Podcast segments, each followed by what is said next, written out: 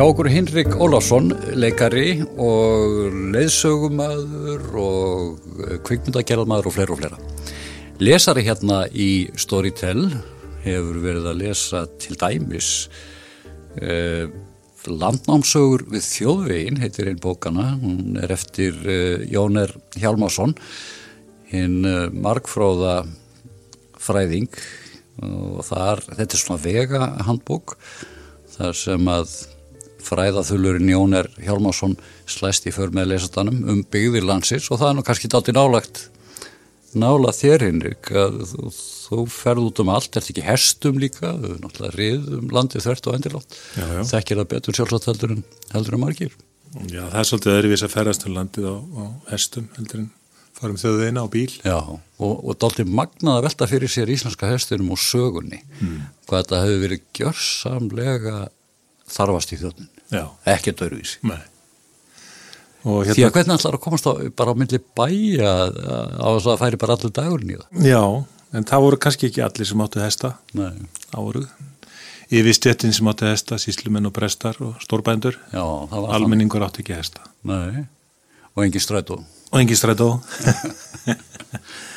nei, nei, enga byðstöðar, en já, já, það er magnað að ferast um Ísland á hestum, það er þessar gamlu þjóðleðir okkar, þessar reyðleðir, það eru gefa svolítið aðra sín á landið heldur en heldur en þess við upplifum á vegunum Já.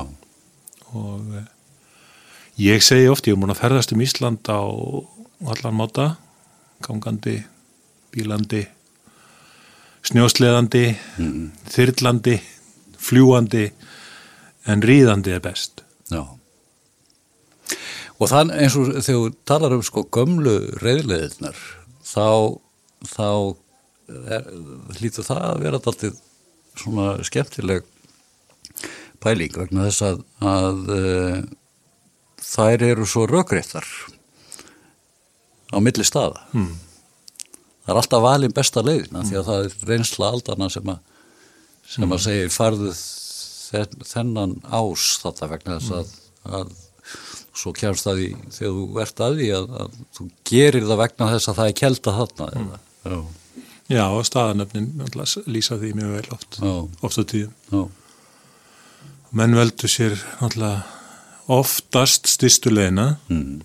það var kannski ekki alltaf hægt, en, en eins og ég segi, þegar maður fer í gegnum þetta svona grunditt, þá, þá sér maður að, að þessar staðanöfn, þau lýsa oft á tíðum hvað er, fyrir, hvað er framöndan. Sko. Já, já, sem þú myndir ekki uppvita öðru selðan að vera bara svona onni landinu. Já. Já. Og þetta tempo sem þú ert á, þessi ræði sem þú ert á með hestum, hann er svo þægilega góður, þú, þú, þú nærð, hefur tíma til þess að átta þig á hlutunum. Já. Það getur maður reynda líka gert þegar maður er gangandi, ég segi það ekki, en, en það er þessi nærvera með dýrónum og, og svona hvernig íslenski hesturinn er að fara um landið, maður sér það að það er þessi árhundruð, árhundruðir þekking hans á að hlaupa á um landið, Já. þetta er svo magnað að sjá þetta Já. ég nú lendi því sko svona til gamans á, ég lendi því stundum að, að við höfum orðið vilt það er að segja í þóku og Það er nú ekki, það er engi vandi að, að villast á. Nei, en þá kemur þetta töfrandi töfrabræð sem að íslenski hesturinn hefur að hann ratar Já. það er að segja það maður hefur verið með, ég ferði svolítið með föðu mínum og þegar hann sagði já við skulum láta hestanum þetta Mm. og það reyndist yfirleitt alltaf best Já. sko. Já. þeir fundu leðina Já. Og þú finnur á hestunum að hann er ekkit að, að, að hérna, verða nervus yfir stöðunni. nei, þeir verða yfirleitt ekki nervisir Nei. en þeir geta það til að fara tilbaka Já, því að það er bara best. já, og finnst bara til óþurftar að vera að fara í auðnir Þetta er já, en það er nú yfirleitt bara ung, ung kross sem gera það sko. Já. yfirleitt svona. Já, en það er, það er heilmikið skynsam í því. já, Ef þú dungur og hefur ekki resluna, þá, nákvæmlega. þá bara hættur við. Nei, ég ég, ég næ þess ekki.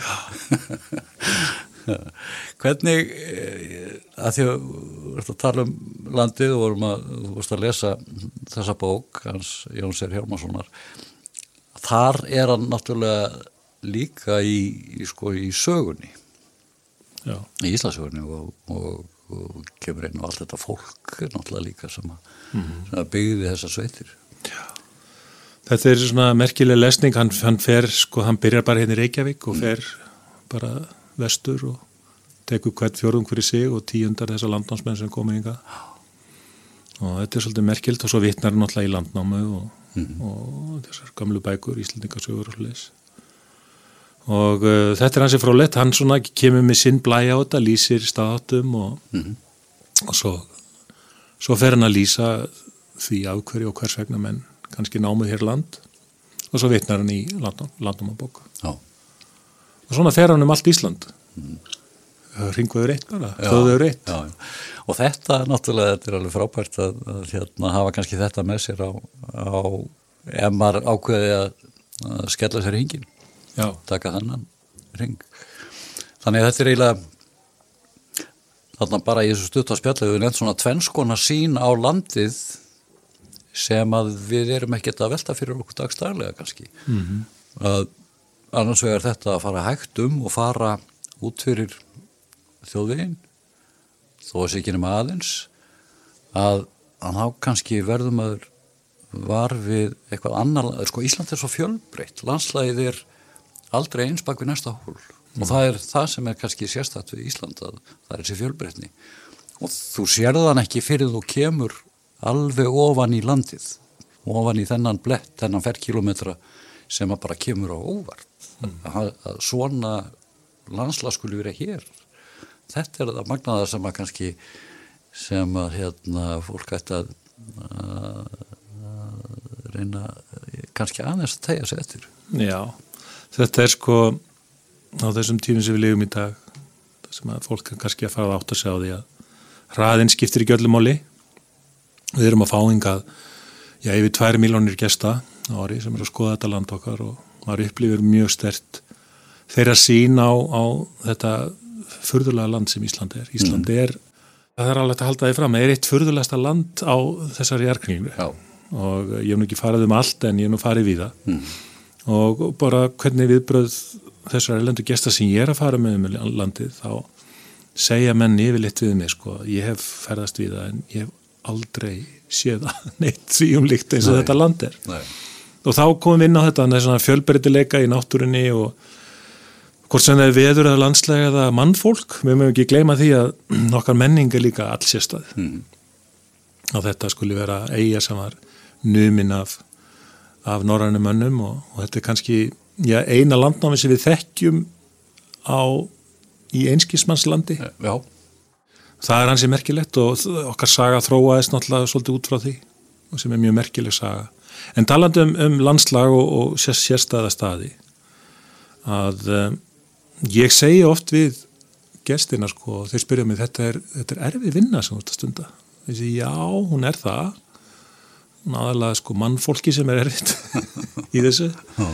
Og stundunum getur nú Ísland verið harðanskjulegt og allt það við mann en, en ég segi ótt við þessa gesti, ég segi en vitið það, þetta land það, maður þarf ekki að hafa fyrir það sína, það, það sýnir sér sjálf já, já. Það eina sem ég segi við þetta fólki er það bara ofana fyrir ykkur og tengi ykkur við frá A til B. Út af það gengur þetta. Já. það er nánast að hverjum degi þú bara keirir hérna um þetta land. Að byrtan eða veðrið eða, eða ástíðin staðan á málunum. Hún er svo breytilega að, að, að náttúrulega hverjum degi ef þú ferð eitthvað að þá sérðu eitthvað nýtt og eitthvað sem að, að nánast er hægt að lýsa ég vil ennþá þetta í dag fyrir, fyrir mann sjálf sem er búin að búa hérna mm. er eða eh, töfrum líkast Já Það má segja það. Þetta er, eins og ég segi, við getum endalist verið að tala um, um náttúrufar Íslands og, hérna, og ég, ég er, vil líka oft sko blanda menningunum því að mér finnst menning, þessi menning sem við sem sagt, þróa hér og það sem við byggjum á, hún er líka allsjastað sko. Og, hérna, og er harmonera rosalega vel við náttúruna. Mm. því það er svo margt sérstætt í okkar sögu sem að fólk horfur oft tóman og segir, getur það verið. Eh, þetta er náttúrulega mjög dramatísk saga okkar, okkar saga.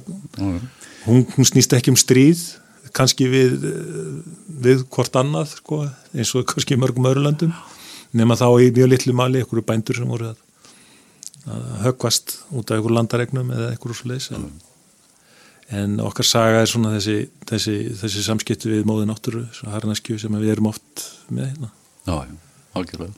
og það er, það er töfrandi Já.